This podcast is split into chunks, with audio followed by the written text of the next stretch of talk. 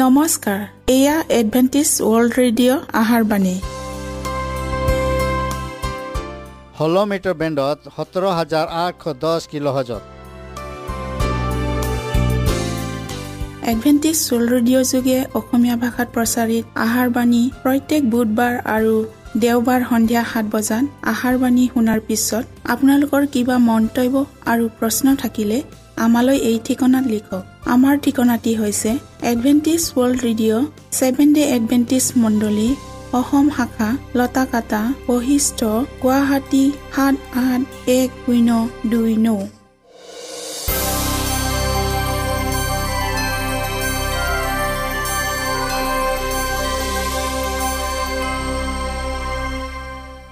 প্ৰিয় শ্ৰোতা বন্ধুসকল এতিয়া শুনো আহক এটি খ্ৰীষ্টীয় ধৰ্মীয় গীত।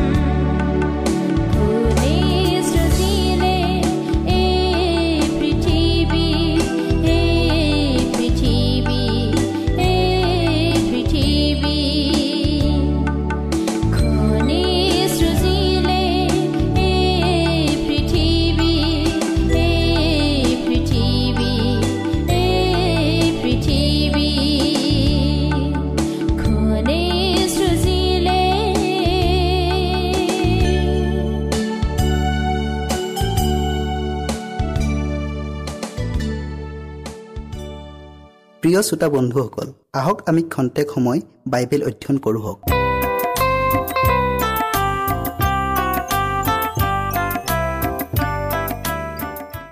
আজিৰ আমাৰ বিষয়টি হ'ল ঈশ্বৰৰ নিৰাপত্তাৰ প্ৰতিজ্ঞা। বাইবেল পত্ৰি লোৱা হৈছে দ্বিতীয় পিতৰ দুই অধ্যায়ৰ নৌ পথ। এইদৰে ভক্তবিলাকক পৰীক্ষাৰ পৰা উদ্ধাৰ কৰিবলৈ আৰু অধাৰ্মিকবিলাকক বিশেষকৈ যিবোৰে মাংসৰ অনুগামী হৈ অসুচিতাৰ অভিলাষত চলে আৰু প্ৰভুত্বক সেৱ জ্ঞান কৰে সিহঁতলৈ মহাবিচাৰৰ দিনত দণ্ড সাঁচি ৰাখিছে। আমি প্ৰাৰ্থনা কৰোঁ হওক। সেই অনুগ্ৰহৰ দাতা প্ৰভু তোমাৰ অনুগ্ৰহৰ দ্বাৰা এই সুন্দৰ আবেলিত আমি আকৌ লগ পালোঁ। ধন্যবাদ প্ৰভু তোমাৰ অনুগ্ৰহ আৰু আশীৰ্বাদৰ বাবে। হে প্ৰভু এতিয়া তুমি আমাৰ লগত থাকা আৰু পবিত্ৰ আত্মা দান কৰা। বিষয়টিলৈ জানিবলৈ আমাক জ্ঞান আৰু বুদ্ধি দিয়া। এই চুটি যাচনা ত্ৰাণকৰ্তা প্ৰভু যীশুখ্ৰীষ্টৰ নামত খুজিলোঁ। আমেন। আমাৰ সন্মুখত আহি থকা মহাক্লেশৰ কালত যিসকলে তেওঁৰ ধৈৰ্যতাৰ বাক্যক বিশ্বাসেৰে পালন কৰি আছে তেওঁবিলাকলৈ ঈশ্বৰে নিৰাপত্তা প্ৰদান কৰিব। ঈশ্বৰৰ বিধানক সেয় জ্ঞান কৰি অমান্য কৰা সকল মেঘ স্তম্ভৰ পৰা ক্ৰোধ আৰু ভয়াৱহতাৰে তিৰস্কাৰ কৰি দোষাৰোপ কৰা হ'ব।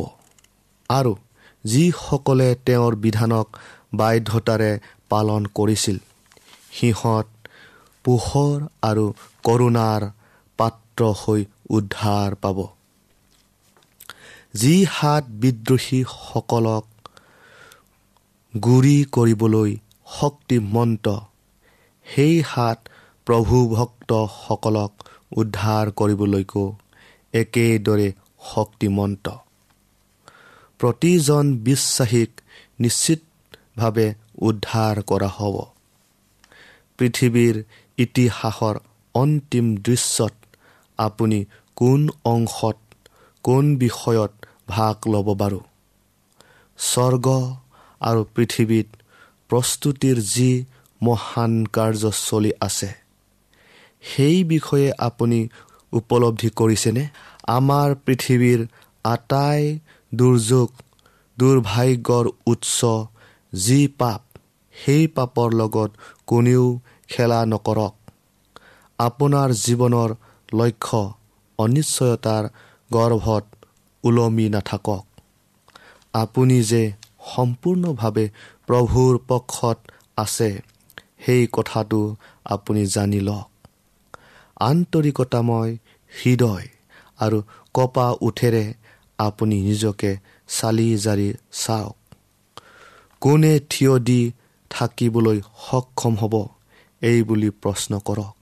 অনুগ্ৰহৰ অন্তিম সময়ৰ কেইটামান অমূল্য মুহূৰ্তত ভিতৰত আটাইতকৈ উৎকৃষ্ট বিষয়বোৰেৰে আপুনি আপোনাৰ চৰিত্ৰটো গঠন কৰি মজুত কৰি ল'লেনে?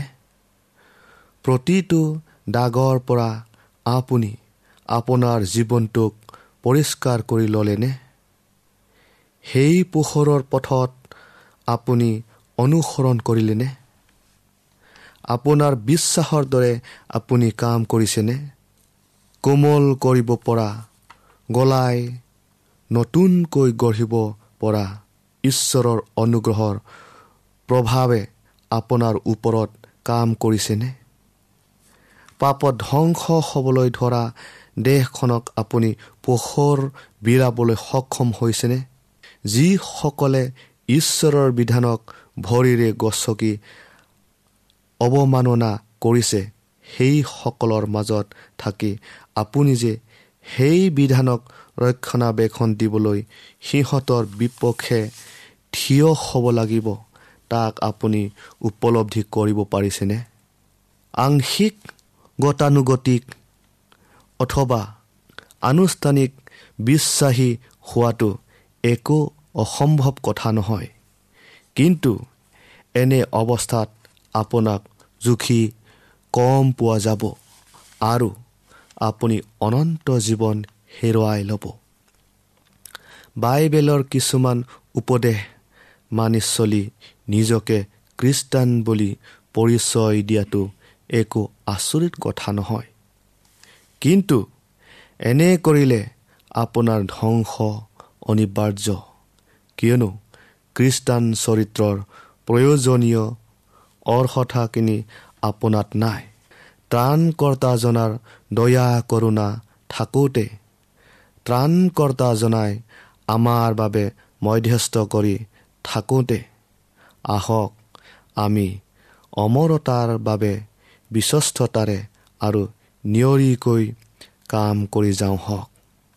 প্ৰিয়সকল ভয়ংকৰ সংকট আমাৰ সন্মুখত আহি পালেহি। ইয়াৰ পৰীক্ষা আৰু প্ৰলোভনৰ বিপক্ষে থিয় হ'বলৈ আৰু ইয়াৰ প্ৰয়োজনীয় কামবোৰ কৰিবলৈ অটল বিশ্বাসৰ প্ৰয়োজন। কিন্তু আমি গৌৰৱেৰে বিজয় উল্লাস কৰিব পাৰিম।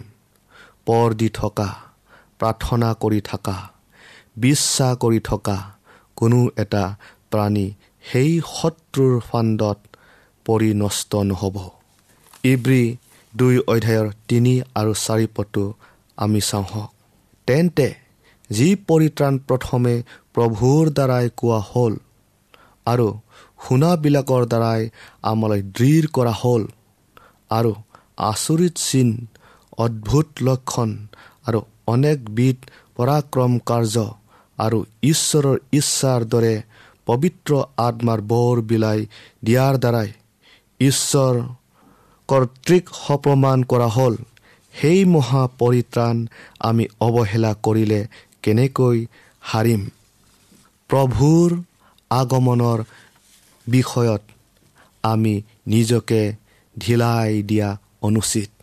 স্বৰ্গদূতগণে কৈছে পৃথিৱীৰ ওপৰত যিবোৰ আহিছে তাৰ বাবে সাজু হোৱা সাজু হোৱা। আপোনাৰ বিশ্বাসৰ দৰে আপুনি কাম কৰক।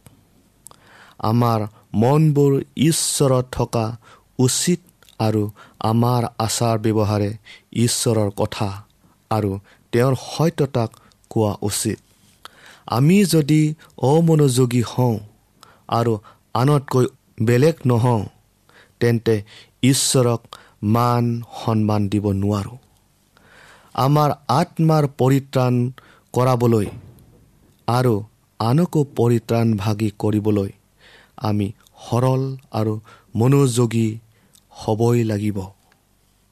সকলো প্ৰয়োজনীয় বিষয় এই বিষয়ৰ লগত জড়িত হ'ব লাগিব।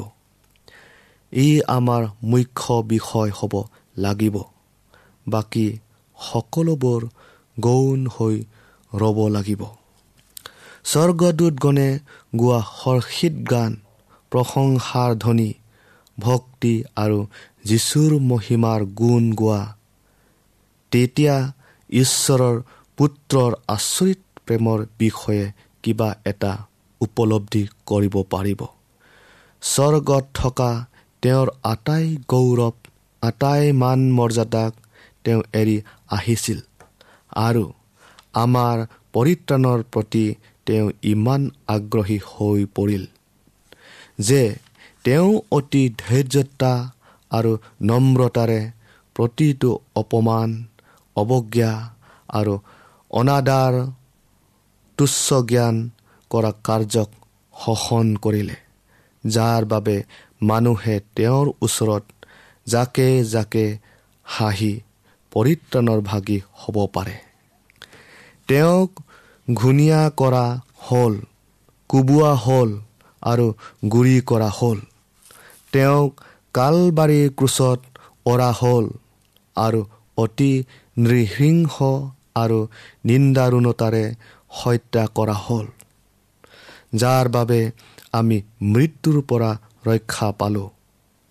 তেওঁৰ শৰীৰৰ পৰা ওলোৱা তেজে আমাক ধুই শুচি কৰিলে আৰু তেওঁ আমাৰ বাবে যুগুত কৰি ৰখা ঠাইত বাস কৰিবলৈ তেওঁ আমাক উন্নীত কৰিলে আৰু স্বৰ্গৰ মাধুৰ্যতা আনন্দ কৰিবলৈ তাৰ পোহৰ উপভোগ কৰিবলৈ আৰু দুধগণৰ মধুৰ গীত শুনিবলৈ আৰু তেওঁলোকৰ লগত একেলগে গাবলৈ আমাক যজ্ঞৱান কৰিলে।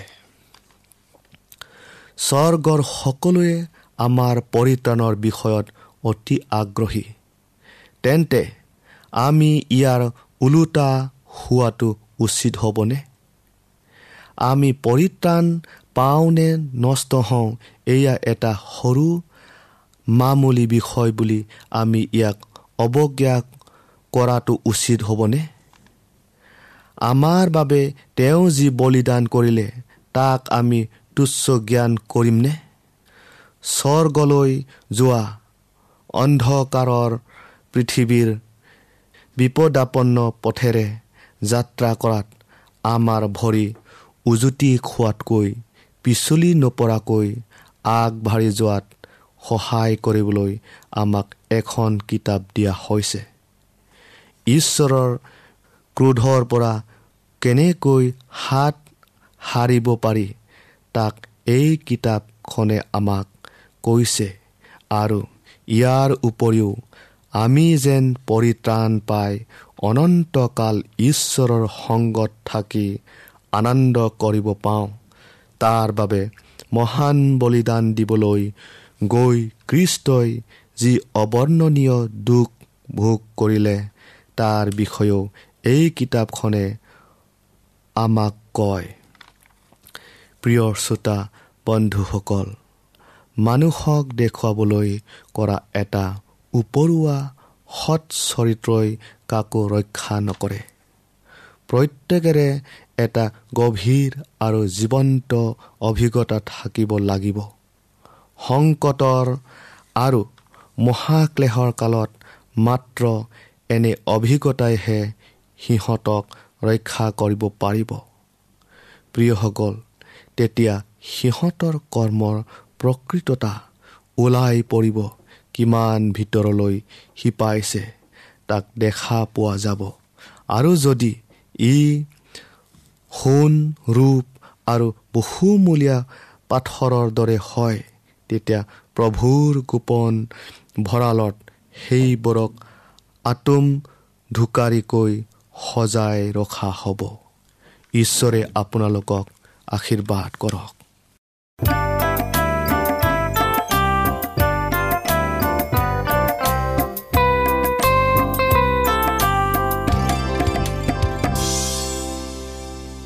ইমানপৰে আমি বাইবেল অধ্যয়ন কৰিলোঁ। এতিয়া আকৌ শুনো আহক এটি খ্ৰীষ্টীয় ধৰ্মীয় গীত।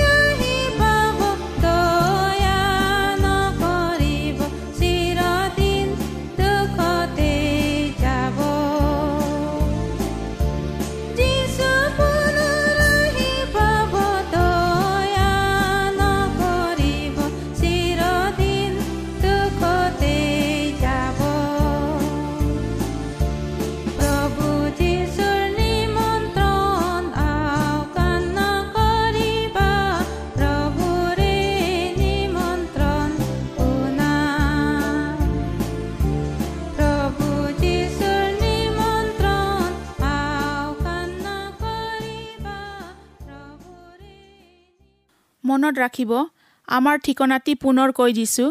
Adventist World Radio' Assam region of Seven Day Adventist Voice of Hope Latakata Basistha Guwahati seven eight one zero' two nine প্ৰিয় শ্ৰোতা বন্ধুসকল এডভেণ্টিজ ৱৰ্ল্ড ৰেডিঅ' যোগে আহাৰবাণী প্ৰচাৰত আপোনালোকক পুনৰ লগ পোৱাৰ আহাৰে আজিলৈ সামৰিলোঁ। ধন্যবাদ।